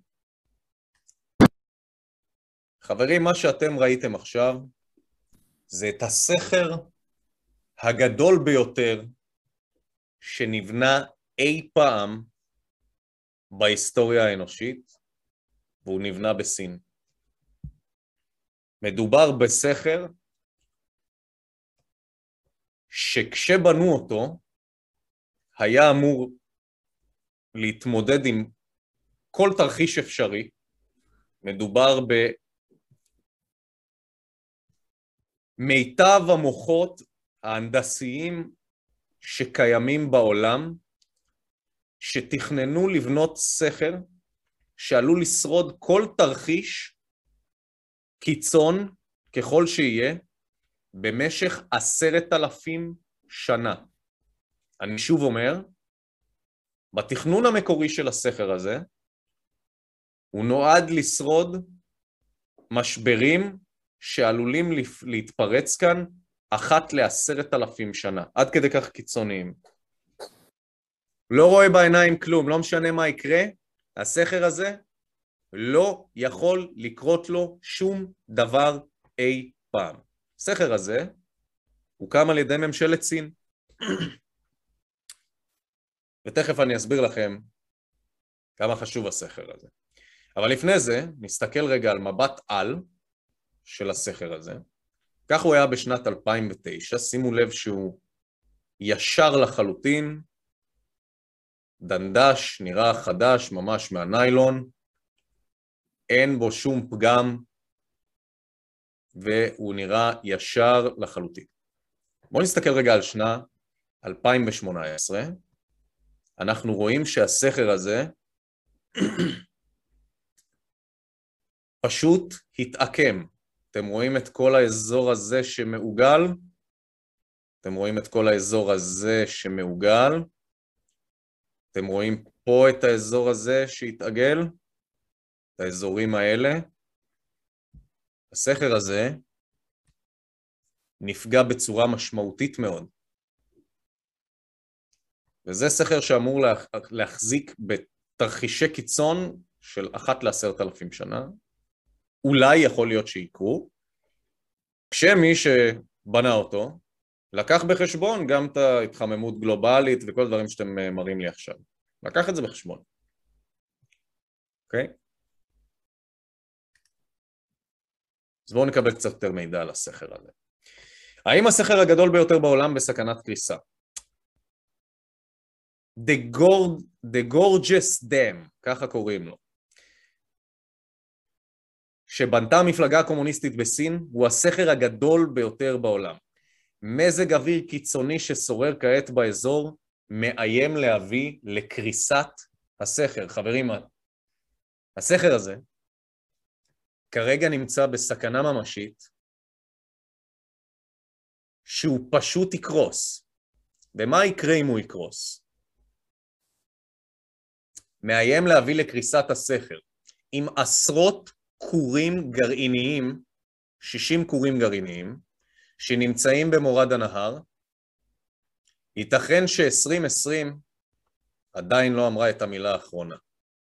זה היה ב-9 ביולי, אנחנו כבר ב-2021 שנה אחרי. בואו נקרא עוד קצת עליו. הסכר הזה שולט למעשה במהירות זרימת מי נהר היאנג צ'ה. הסכר פרי יוזמתה של המפלגה הקומוניסטית בסין, תוכנן כבר לפני עשרות שנים, אך נחנך בפועל רק בשנת 2006.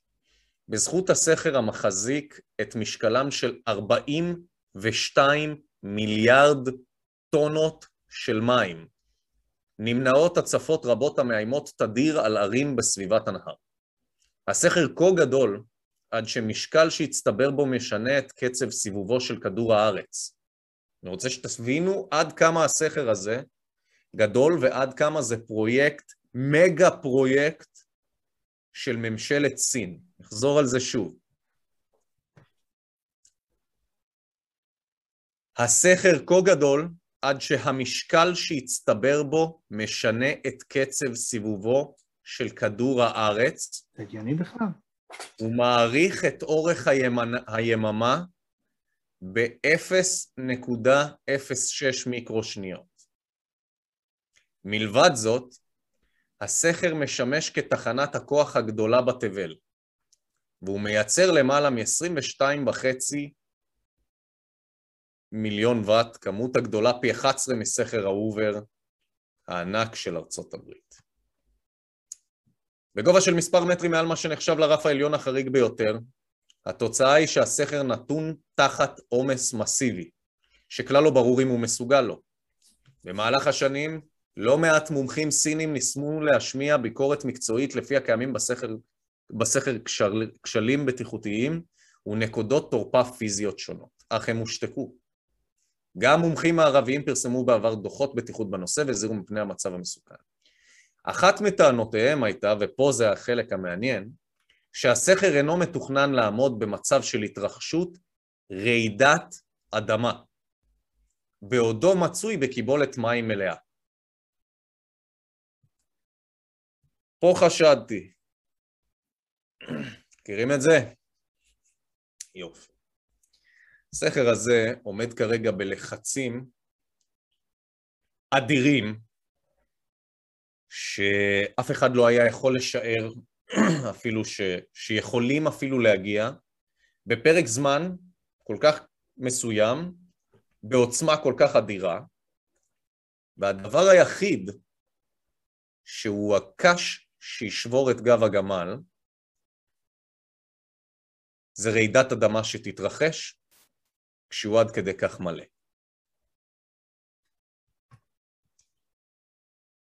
אפוקליפסה סינית. התקווה בסין ובעולם כולו היא שמבנה הענק הקומוניסטי הזה יעמוד בלחץ. במקרה שהוא יקרוס, התוצאות עלולות להיות הרסניות באופן חסר תקדים. במורד הסכר מתגוררים 400 מיליון בני אדם. בסביבתו ממוקמים 60 כורים גרעיניים סינים, פגיעה בכורים הללו עלולה לשנות את פניה של האנושות כולה. כלומר, אם לחברה מערבית כלשהי, או למדינה כלשהי, יש כלי כלשהו שיכול לגרום כרגע לרעידת אדמה, הוא מחריב את סין בשנייה אחת. הוא פשוט מוחק את סין. לא את כל סין. הוא מוחק את סין, אחרי יש שם 60 גורים אטומיים. והוא מחזיר את סין עשרות, אם לא מאות, אם לא אלפי שנים אחורה,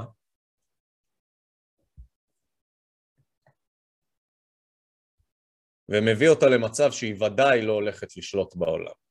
עכשיו הדבר הזה נבנה, זה לא דבר שקרה בן לילה, הדבר הזה נבנה כדי להביא את הסכר הזה לנקודת השבר הזאת, שבה הוא נמצא כרגע, היה צריך לעבוד קשה. וזה נבנה. אני אמרתי לעצמי, האנד גיים היחיד שיכול להיות לארצות הברית, זה אם היא מייצרת פה אסון קטסטרופלי, שיחזיר את סין עשרות שנים, אם לא מאות שנים אחורה. מבחינה כלכלית, צבאית, סין לא תשתקם מזה, לפחות לא במאה 200 שנים הקרובות. פשוט לא תשתקם מזה. ואז אמרתי לעצמי, זה קרה כבר. זה, התרחיש הזה, שנמצא פה עכשיו, הוא קרה כבר. מתי הוא קרה? לפני שסין הייתה זאת שאיימה ממזרח על המערב, יפן איימה על ארצות הברית. אני זוכר את אותה תקופה שהכל היה יפני. יפן הייתה כלכלה חוד החנית, היא הייתה השיא של השיא של השיא מבחינה טכנולוגית. היא הייתה הכלכלה שהיפנים קנו הכל. הם קנו הכל, את כל מה שהאמריקאים הם קנו. והם גם התרברבו. הם אמרו, אנחנו נקנה את ארצות הברית, וככה היא תהיה שלנו. אנחנו לא נכבוש את ארצות הברית, אנחנו נקנה את ארצות הברית. וכשהיא אימה מספיק על הכלכלה האמריקאית, באורח נס, קרה אסון בפקושימה, למי שזוכר, רעידת אדמה אדירה, סופות טייפון מימיות, שפגעו ישירות בשרשרת של כורים אטומיים ביפן והחזירו את המדינה הזאת עשרות שנים אחורה. נזקים היו כל כך אדירים, כל כך עצומים, שהכלכלה היפנית עד היום לא השתקמה מהם, עשרות שנים אחרי, 10-20 שנה אחרי, משהו כזה, 15-20 שנה. הכלכלה הזאת לא הצליחה להשתקם מהם, וזה קרה בדיוק באזור של הכורים הגרעיניים של יפן. יש כאלו שמאמינים שארצות הברית הפעילה נשק שנקרא הרפ כדי לייצר את הרעידת אדמה הזאת, או שהשתמשה בכלים אחרים להנדסת מזג האוויר, ויצרה סופות בים שם שגרמו לאסון הזה. אבל על מה הם מתבססים האנשים שאומרים את הדבר הזה? אז לא, אני לא אראה לכם דברים uh, קונספירטיביים. אני אראה לכם את זה.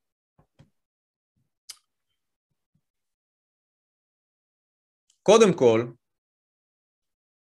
בשנת, כאשר החלה בשנת 1994 בניית הסכר, ההצהרה הרשמית של המשטר הקומוניסטי הייתה כי הוא יהיה מסוגל לעמוד בהצפות של פעם בעשרת אלפים שנים. זה עד כדי כך קיצוני ולא טבעי מה שקורה שם כרגע.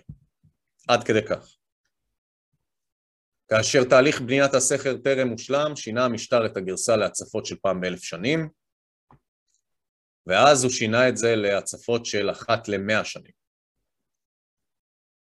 ואז נזכרתי בעוד כל מיני דברים שאמרו לנו שקורים אחת למאה שנה,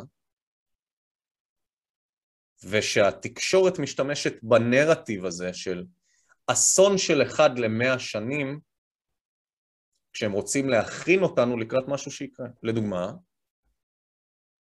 יש הרבה ידיעות כאלה, כן? רעידת אדמה הרסנית בארץ בכל מאה שנה. האחרונה הייתה ב-1927. תמיד מזהירים אותנו מרעידות אדמה משמעותיות בישראל שיקרו, לא אומרים לנו שלא יקרו, אומרים לנו שהם בוודאות יקרו, ושזה יהיה בסדר גודל של רעידת אדמה שמתרחשת אחת למאה שנה.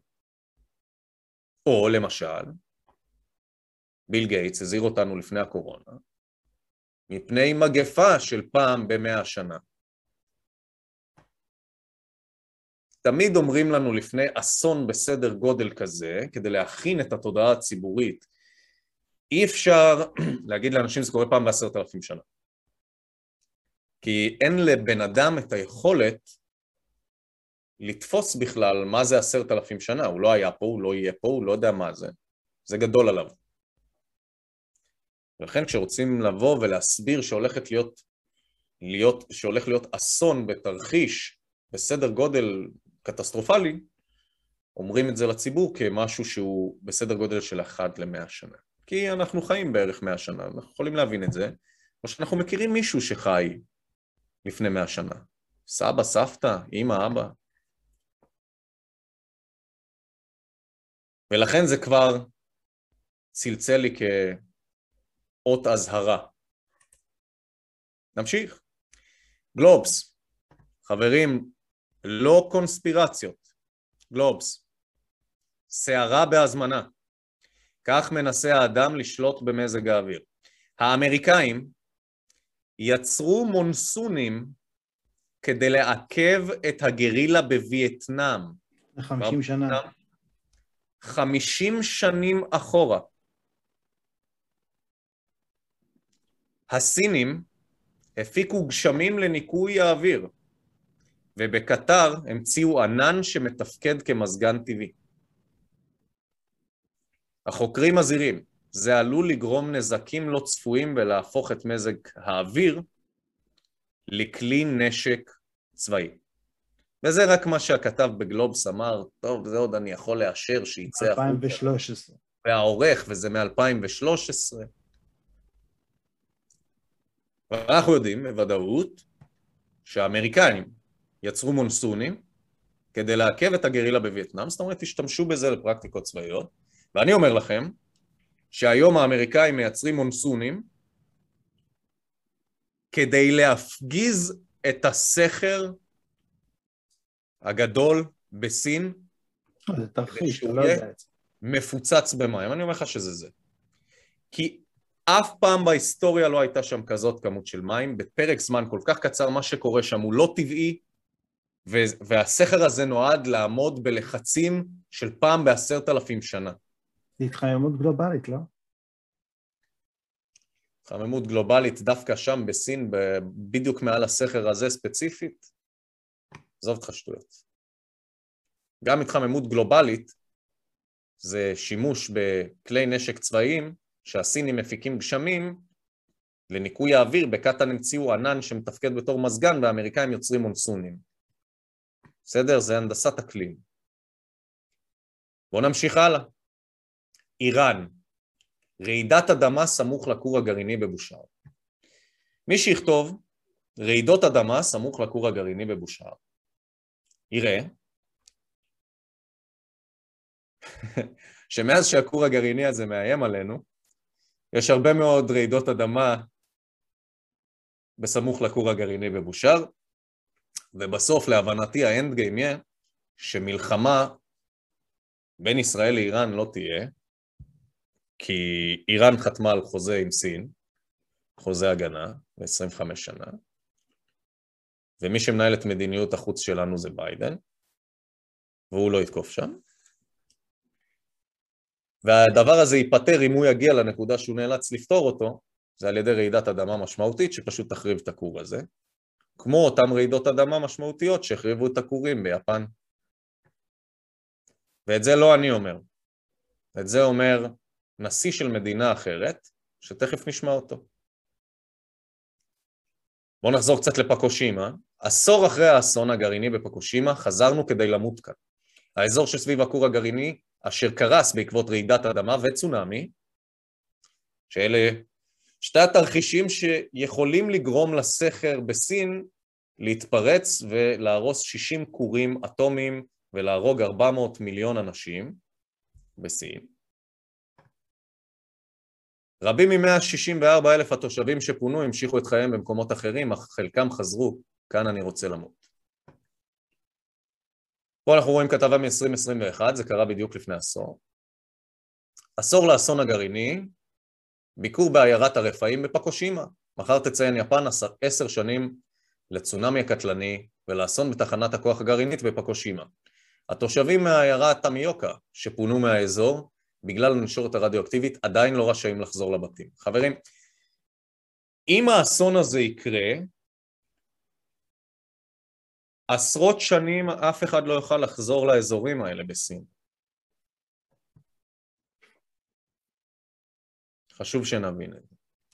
העיירה היפנית המיוקה נמצאת במרחק של עשרה קילומטר מתחנת הכוח הגרעינית פקושימה דאיצ'י, ב-11 במרץ 2011 התרחש בתחנה אסון גרעיני הקשה ביותר מאז אסון צ'רנוביל. זה תרחיש שלדעתי הוא האנד גיים של ארצות הברית, וכרגע הוא משמש כאקדח ברקה של סין, שיודעת שגם היא לא, יודע, לא יכולה לעשות מה שהיא רוצה. Chavez has once again accused the United States of playing God, but this time it's Haiti's disastrous earthquake that he thinks the U.S. was behind. Spanish newspaper ABC quotes Chavez as saying that the U.S. Navy launched a weapon capable of inducing a powerful earthquake off the shore of Haiti. He adds that this time it was only a drill, and the final target is destroying and taking over Iran. The existence רוצים לשמוע את זה שוב? אני אתרגם בקצרה. הוגו צ'אבז מדווח בעיתונות הרגילה, RT News. כל מה שאני מראה לכם, הראיתי לכם, זה הכל מעיתונות, הכל בפנים שלנו, מנהיגים של מדינות, בחדשות המיינסטרים, גלובס, שום דבר שאתם יכולים, הארץ, שום דבר שאתם יכולים להגיד שלקחתי מתחום הקונספירציה. דברים שמדווחים, ידועים, גם במיינסטרים מידיה, ויש סביבם קונצנזוס, והבנה שהם קורים. לא שהתקשורת היא איזה משהו שאפשר להסתמך עליו, אבל בשבילכם. שלא תגידו שאני קונספירטור. מה שהוגו צ'אבז אומר כאן, זה שהוא מאשים את ארצות הברית שהיא משחקת בלהיות אלוהים, והיא בעצם הפעילה נשק שמייצר רעידות אדמה, ועל ידי ייצור של רעידות אדמה הוא יכול לייצר, אם אתה מייצר אותם באוקיינוס, אתה מייצר טייפונים, או לא יודע, מונסון. סופות, מונסונים וכאלה ואחרים. אה, והוא האשים אותם שהם הפעילו את הכלים האלה כדי לייצר את רעידת האדמה בהאיטי. והוא אמר שהם עשו את זה רק כניסוי, ושהמטרה האמיתית שלהם היא להשתמש בנשק הזה נגד איראן. שזה בדיוק מה שאני אמרתי. ואני אומר לכם עכשיו שהם עושים את זה גם נגד סין. בואו נשמע אותו אומר את זה שוב, בחדשות, במילים שלו, בואו נשמע את זה. Chavez has once again accused the United States of playing God, but this time it's Haiti's disastrous earthquake that he thinks the U.S. was behind. Spanish newspaper ABC quotes Chavez as saying that the U.S. Navy launched a weapon capable of inducing a powerful earthquake off the shore of Haiti. He adds that this time it was only a drill, and the final target is destroying and taking over Iran. The existence אתה הבנת את זה, יריב? רעידות אדמה בשביל לעשות בלאגן. אני עקבתי בדאגה. כי הכלכלה כרגע היא באמת התרסקה. אנשים עוד לא מרגישים את ההשלכות, אבל אי אפשר יותר, מדינות לא יכולות יותר להיכנס לחוב, הן לא יכולות לשלוט באינפלציה, הן לא יכולות להדפיס כסף ולשלם חוב. זה אומר שהן גם לא יכולות להדפיס כסף ולתת אותו לאזרחים כמענקי סיוע. הן לא, הן פשוט לא יכולות לעשות את זה. סין ורוסיה עכשיו הם מי ששולט על הדולר, והמטרה שלהם היא להקריס את הדולר כדי שהסנטרל בנק הסיני ינפיק את המטבע הדיגיטלי שלו וישלוט גם בהליך ייצור המטבע, לא רק יהיה לו השפעה על התנודות של המטבע. ויש גם חוב גדול יש חוב עצום, יש חוב עצום של ארצות הברית לסין שהיא צריכה לפרוע אותו ממש בפרק הזמן המיידי. כמו בשנות ה-70. כמה? כמו בשנות ה-70 שאמרת. כן, כן, של טריליוני דולרים, שהיא צריכה לפרוע ממש בימים אלה לסין, ובדיוק בימים האלה ערב הסעודית עוזבת אותה, מתחברת עם רוסיה, ובעצם דוחקת אותה לפינה כשהיא לא יכולה לייצר כסף כדי שהיא תוכל לשלם אותו לסין, מה שאומר שהיא תהיה חדלת פירעון מול סין, מה שאומר שהכלכלה תקרוס, פשוט לא סיפרו לכם את זה. עכשיו, הדרך היחידה, המנוף היחיד שיש לארצות הברית, היות והיא לא יכולה לצאת עכשיו למלחמה צבאית, כי אין לה כסף לממן את זה, בטח לא מלחמה מול רוסיה וסין, הדרך היחידה שיש לה לעשות את זה, היא לעשות את מה שהיא כבר עשתה כמה פעמים בהיסטוריה. להשתמש בנשקי יום הדין שלה. שזה רק כשארצות הברית דוחקים אותה לפינה היא משתמשת בהם. וזה בדרך כלל שמאיימים לה על הכלכלה. מזכיר לכם, בווייטנאם איימו לה על הדולר, ואז היא השתמשה בנשק הזה, כמו שראינו בגלובס. כשיפן איימה על הכלכלה שלה, היא השתמשה בנשק הזה. אתה לא יודע את זה, אתה מנחש. מאז התוצאה הייתה שיפן התמקדה פנימה ולא החוצה, הפסיקה להתפרס, הכלכלה שלה הלכה קיבינימט, והם עכשיו משתקמים וזה, יפן היא מדינה של אנשים חכמים, אז אני מאמין שהם ידעו לצאת מזה נכון, אבל כרגע הפוקוס שלה הוא פנימה, והוא לא החוצה להתפרסות, אוקיי? Okay? וארצות הברית יכלה להמשיך הלאה ולהתקדם. ואני אומר לכם, שכרגע זה האקדח שמוצמד לרקה של הסינים, שהם יודעים שבכל רגע נתון, כל מה שנשאר שם במשוואה זה איזה רעידת אדמה אחת, והכל הלך. וזה בעצם יכריע מי ינהל את הסדר העולמי החדש, כי כמו שאתם רואים כל הממשלות התפטרו ומתפטרות, וכל המנהיגים לוקחים צעד אחורה ופורשים, ומכינים את השטח למשטר גלובלי אחד גדול. מה אתה אומר על זה? יש הרבה מה לחשוב פה. אני מאוד השקעתי בפרק הזה, חברים. ראו? מאוד השקעתי בפרק הזה. ההשלכות של זה, זה משהו שכאילו לא, לא נתפס נראה לי. טוב, נראה איך הם יסתדרו, הם גם יכולים להצמיד את הדואר לאיזה משהו אחר, שכן בשליטה שלהם. שמע, לא יודע למה, אבל... כאיש שהתחום שלו, העניין שלו, התשוקה שלו בעולם, זה פילוסופיה כלכלית וכלכלה פוליטית, זה כאילו הגביע הקדוש מבחינתי. זה כאילו אירוע בסדר גודל שלא יכולתי לחלום עליו, למרות שאני אדם ואני יודע את כל הדברים שאני יודע, שזה התחום שלי, זה הכה בי, כאילו למרות שידעתי שזה כאילו מגיע, וידעתי שזה עוד שנייה קורה, ידעתי פחות או יותר את הטיימליין, ואני כל הזמן עוקב אחרי הדברים האלה, כי, כי זה מעניין אותי מאוד. החלום שלי תמיד היה שהמבנה הכלכלי הזה, המושחת, הפירמידיאלי הזה, יקרוס. כי אני יודע שהוא לא סוסטיינבול, אני פשוט יודע את זה. אבל בחלומות הכי ורודים שלי לא חשבתי שזה יקרה בחיי. מה זה ורודים שחורים? לא, לא. אני רציתי שהכלכלה הזאת תקרוס, שהפירמידה הזאת תקרוס. מה הפתרון? הפתרון הוא אחר ממה שמציגים לנו.